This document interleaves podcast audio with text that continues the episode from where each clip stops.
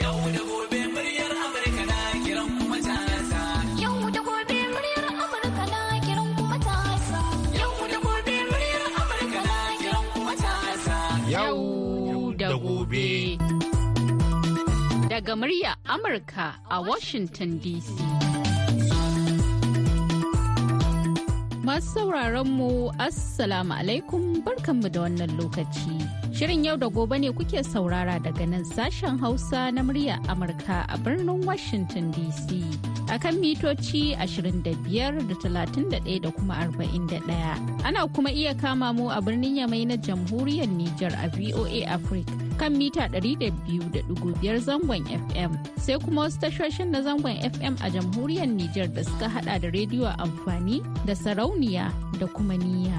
A can kuma si ƙasar Ghana kuma za a iya kama mu ta Alfa Radio.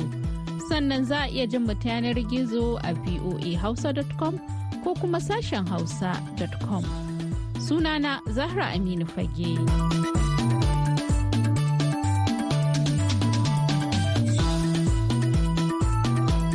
A yau Laraba, bakwai ga watan Fabrairu na shekarar 2024. Shirin yau da gobe zai leƙa jamhuriyar Nijar tare da wakiliyarmu Tamar Abari.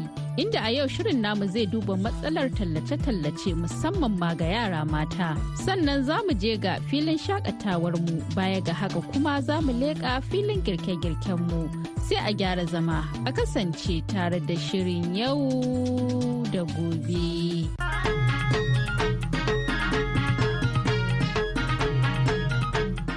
Yau shirin namu na yau da gobe zai duba lamarin 'yan mata masu talla wanda akasari irin wannan sana'a ana samun ta ne a gidajen masu ƙaramin ƙarfi. Domin mafi yawa ita ce hanyar da za su ciyar da iyali da sauran bukatu na yau da kullum. Wasu 'yan mata masu talla da ne hira da su sun bayyana min dalilansu. Hadiza ina tallan waina. Wajen shekara biyar ina tallan waina. Ke kike yin ta koko muke ake uwata take mu to mine ne yasa ki kike wannan tallar ta waina? Kallo wani da nake ko da ruwa ma kai na asiri da uwaye na uwaye na masu ƙaramin kari ne muke gamuwa mu sana'a mu ruwa ma kan ma asiri. Kamar a ƙofar gida ne kike saida ko kuma a yawo ne kike kina talla? A yawo ne muke ina talla. Cikin kasuwa haka wajen bakin tasha wuri dai daban-daban haka muna yi tayya talla. Da ma'aikatu i haka mutane suna siya ana sadaka. Amma akwai wasu maza wanda za su ce maka ko ka kai musu wani wuri ko cikin wani shago ko kuma su yi ta tara kuɗin da sauransu. Irin wannan ke biki ci karo da su ba? Mun taba karo da wannan muna tara kuɗi a tun da wani ka tara mai kuɗin ka tara wajen jika. Wani yana sin wannan ka tara wajen jika biyu ma. Kuma bai ci bai baka jika ko ɗari ya ce ma a jika masu sauro. Wani hayo dai ka kura baka bar mishi ma kuɗin. akwai wasu kuma wanda zai su riƙa cewa ka kawo ka kawo wani bi. Sai su ce maka ka kawo musu ko cikin shago ko cikin gida. Daga nan kuma sai ka ga wani abu ya faru.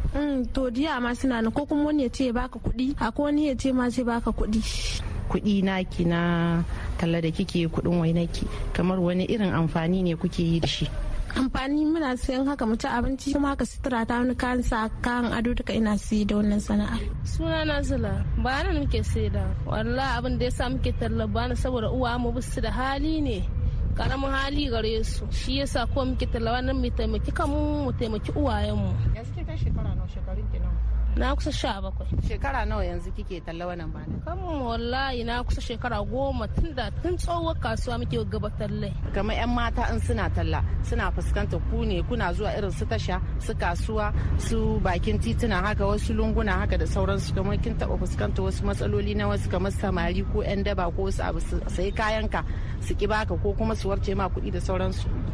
Wallahi akwai tunda wani in zai sai kayan naki ba saboda Allah wani zai saya. Saboda ya gaya miki magana banza ne. Wani ko ya ce miki ku yi randebu a guri kaza. In kin yarda kin amince ku tahi. Eh in ko biki yarda ba ki ce ka ni gaba el iska bat kin taba cin karo da irin wannan?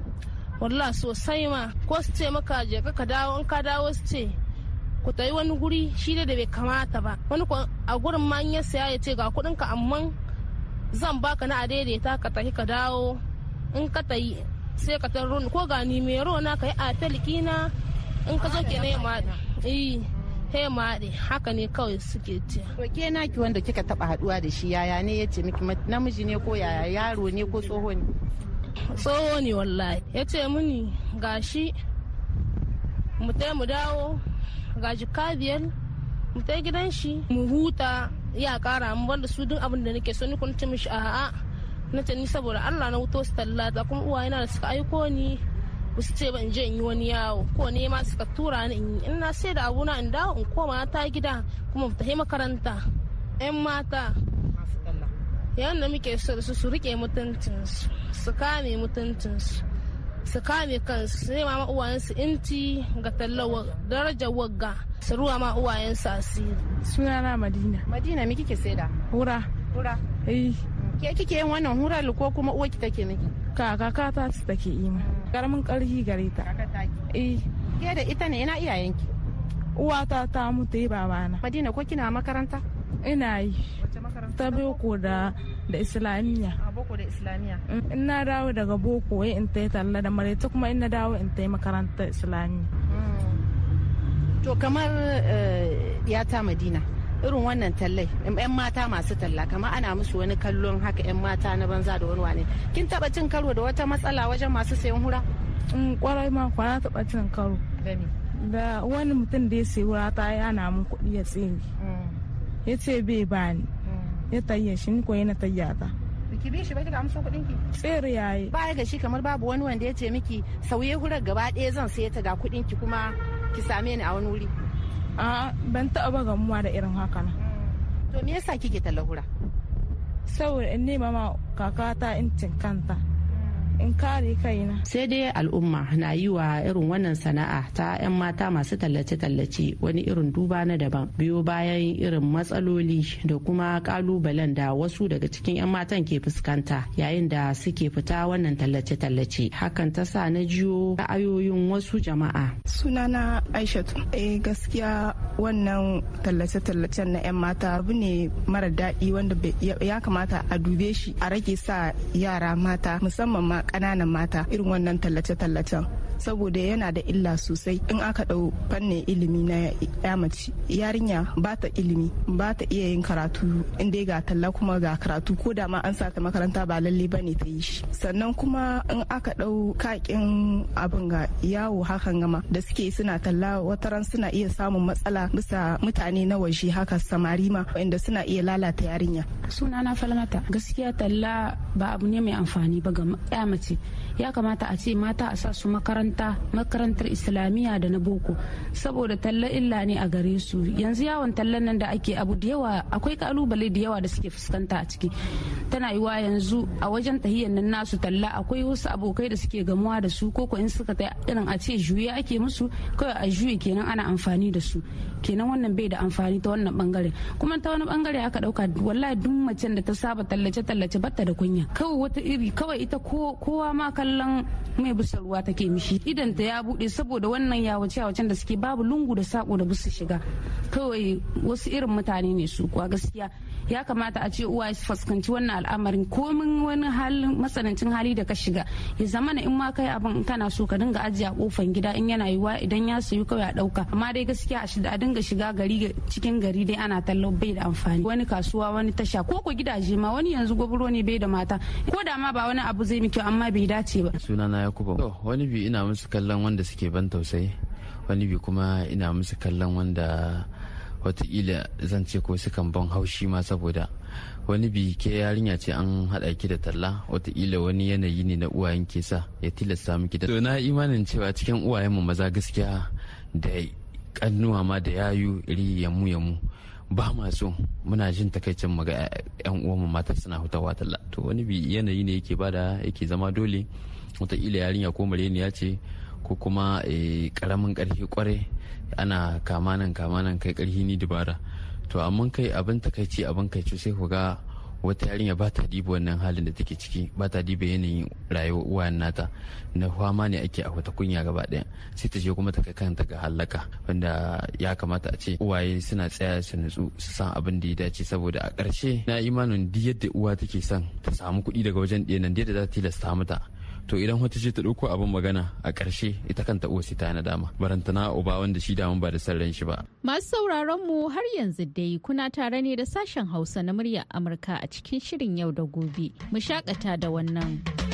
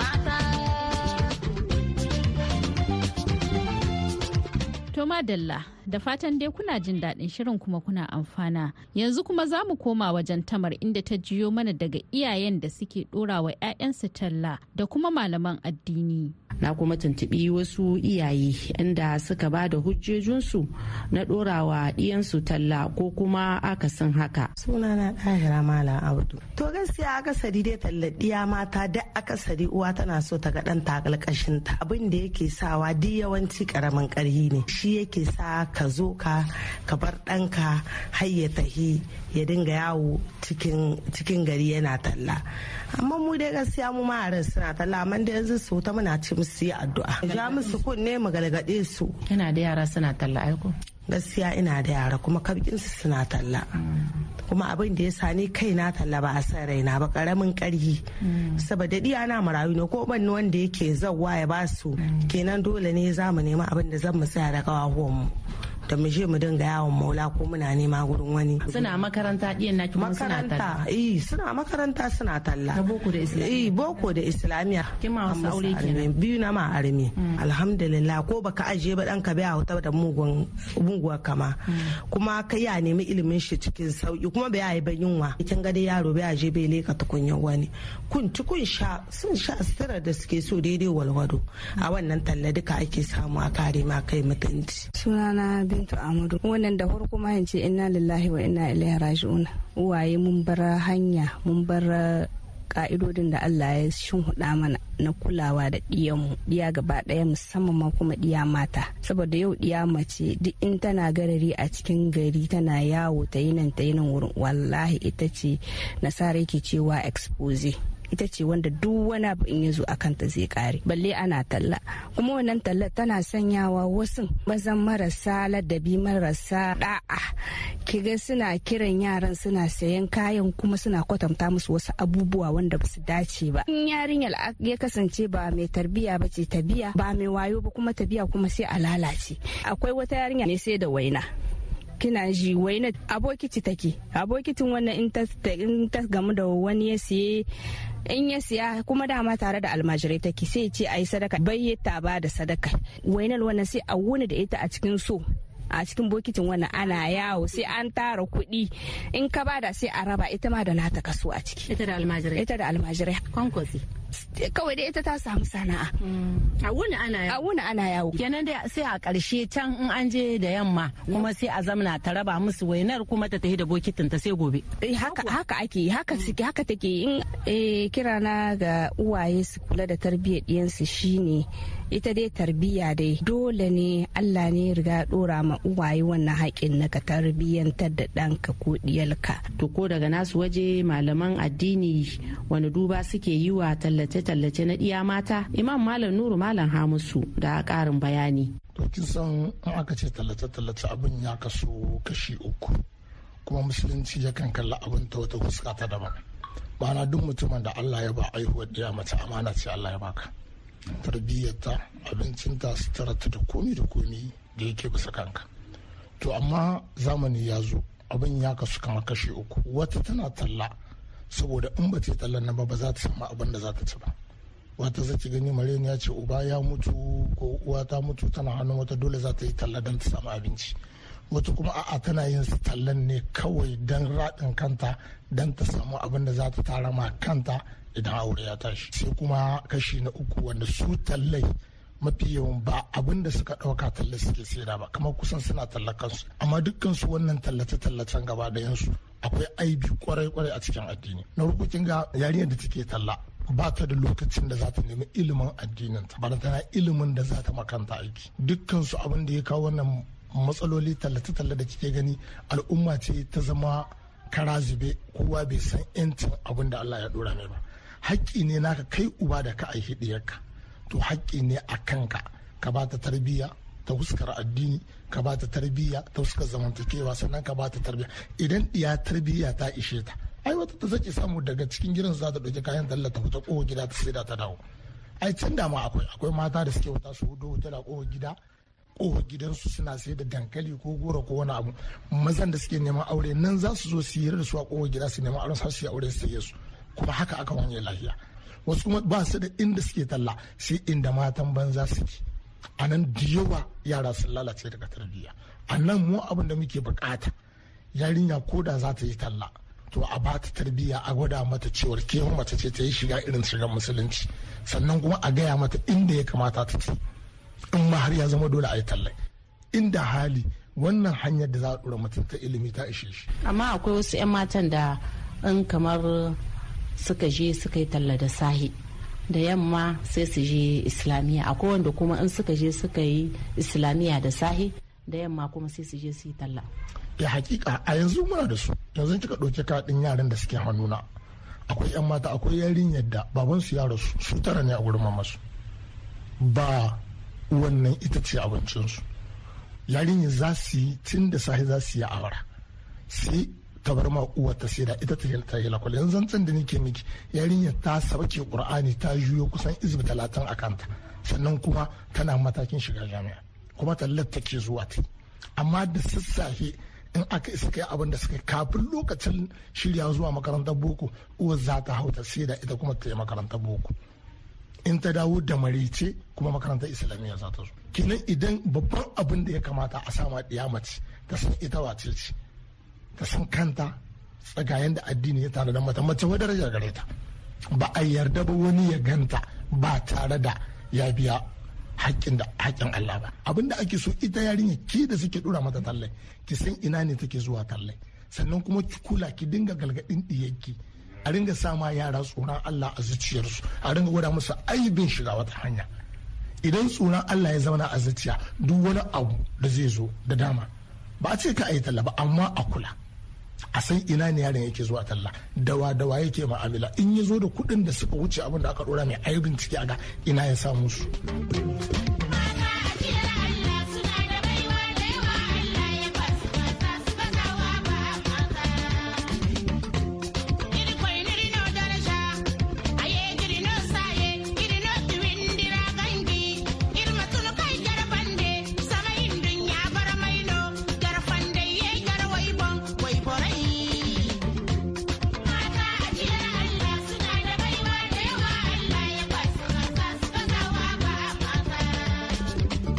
Yanzu kuma za mu leƙa zauren girke-girkenmu tare da Malama Bintu.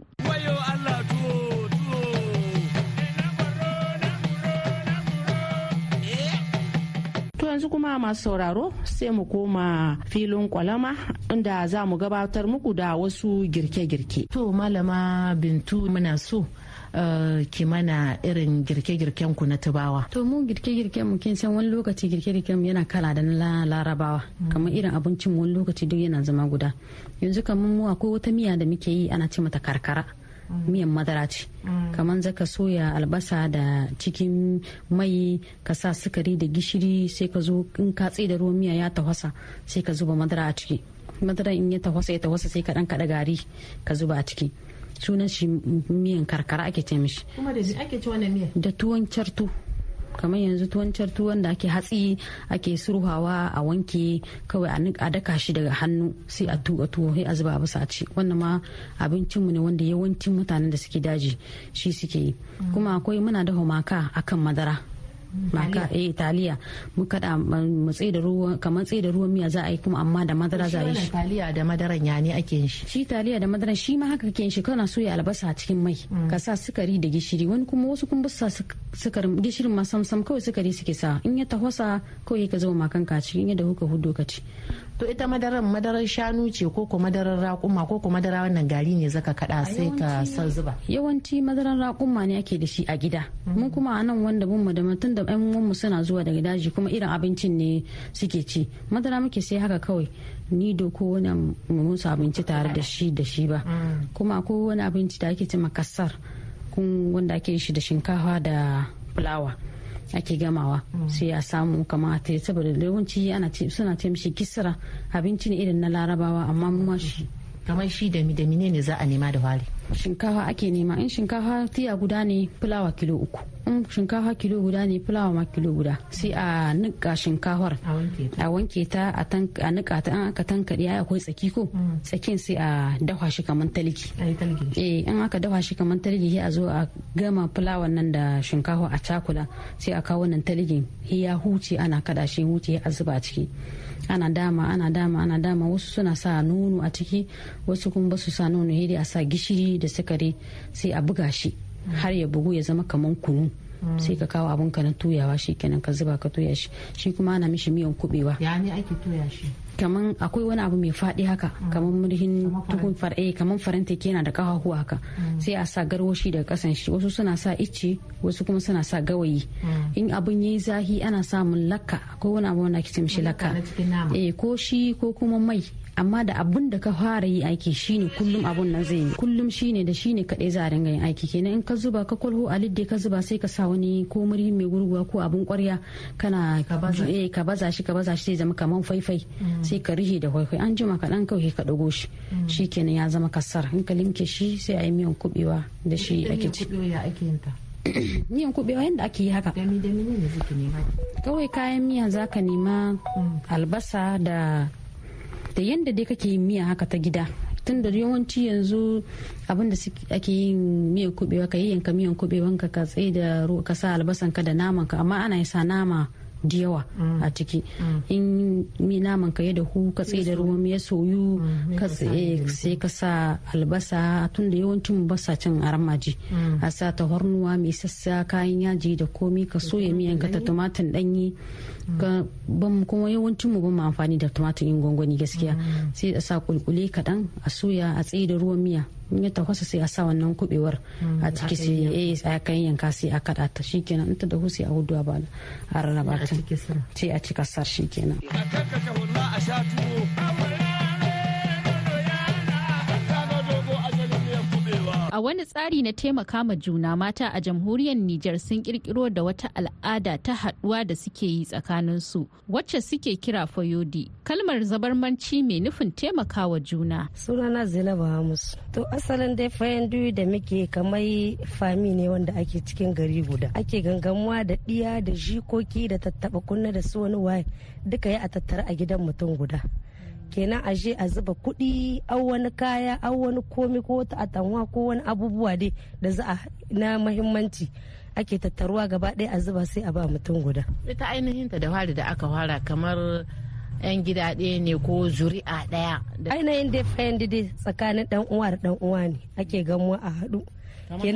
Kama haɗin kai ba kama in ana aure ko suna ko wata sabga dai haka dai ko wani shin daɗi duka sai a tattaru a je a yi farsama a ba mutum guda. Kenan da kai da yan uwanka da amannan arziki da mutanen unguwa duk mai ra'ayi dai yana so ya shiga. Sai a je gaba ɗaya a tattara a baka eh kowane fami suna gangamuwa su yi sai ke yanzu kai ya riga ya waye. Banda ta unguwa da ake yi kuma da wani abokanka da suke tattaruwa gaba ɗaya a zo a yi zumunci a yi wasa a yi dariya.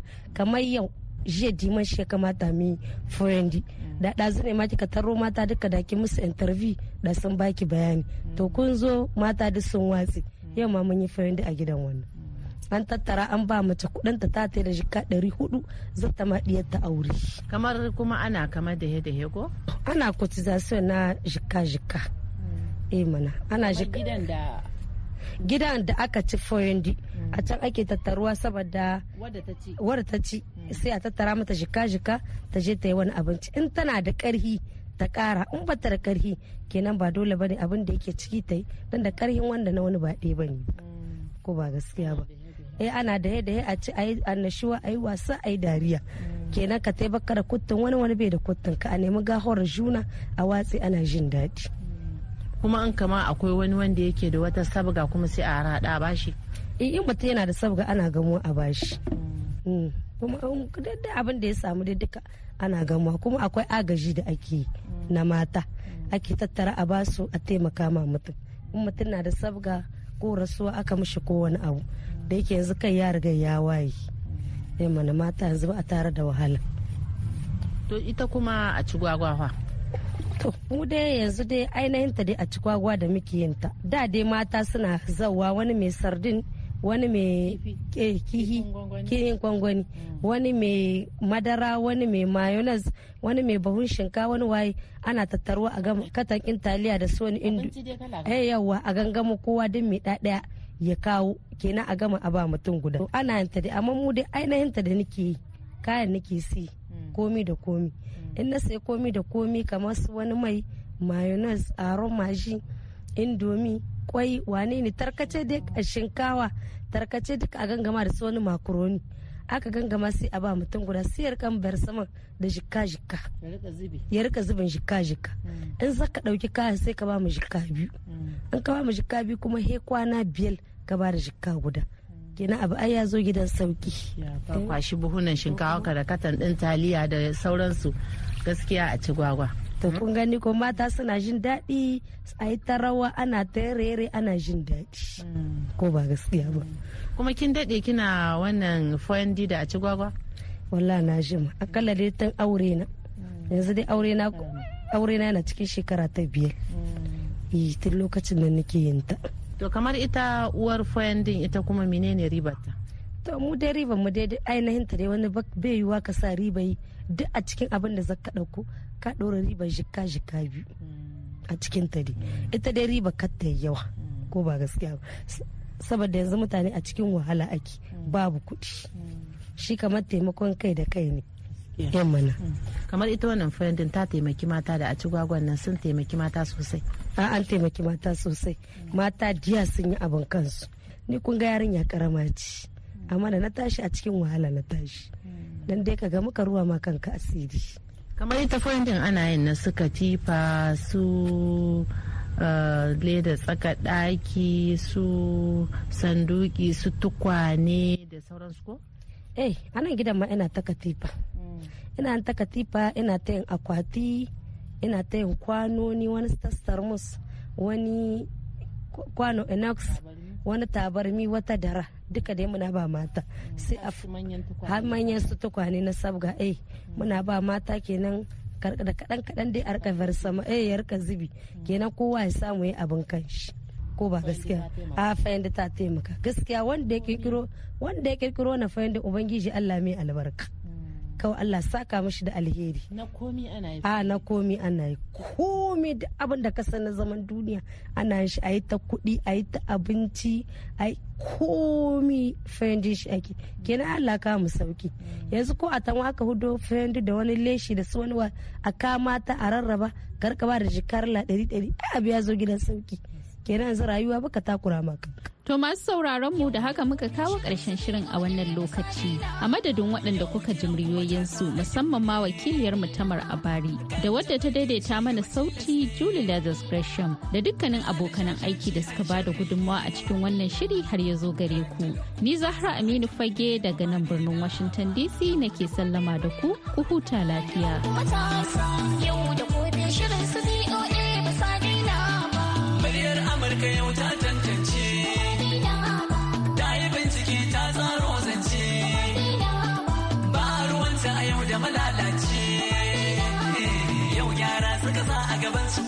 ƙwarai ba za su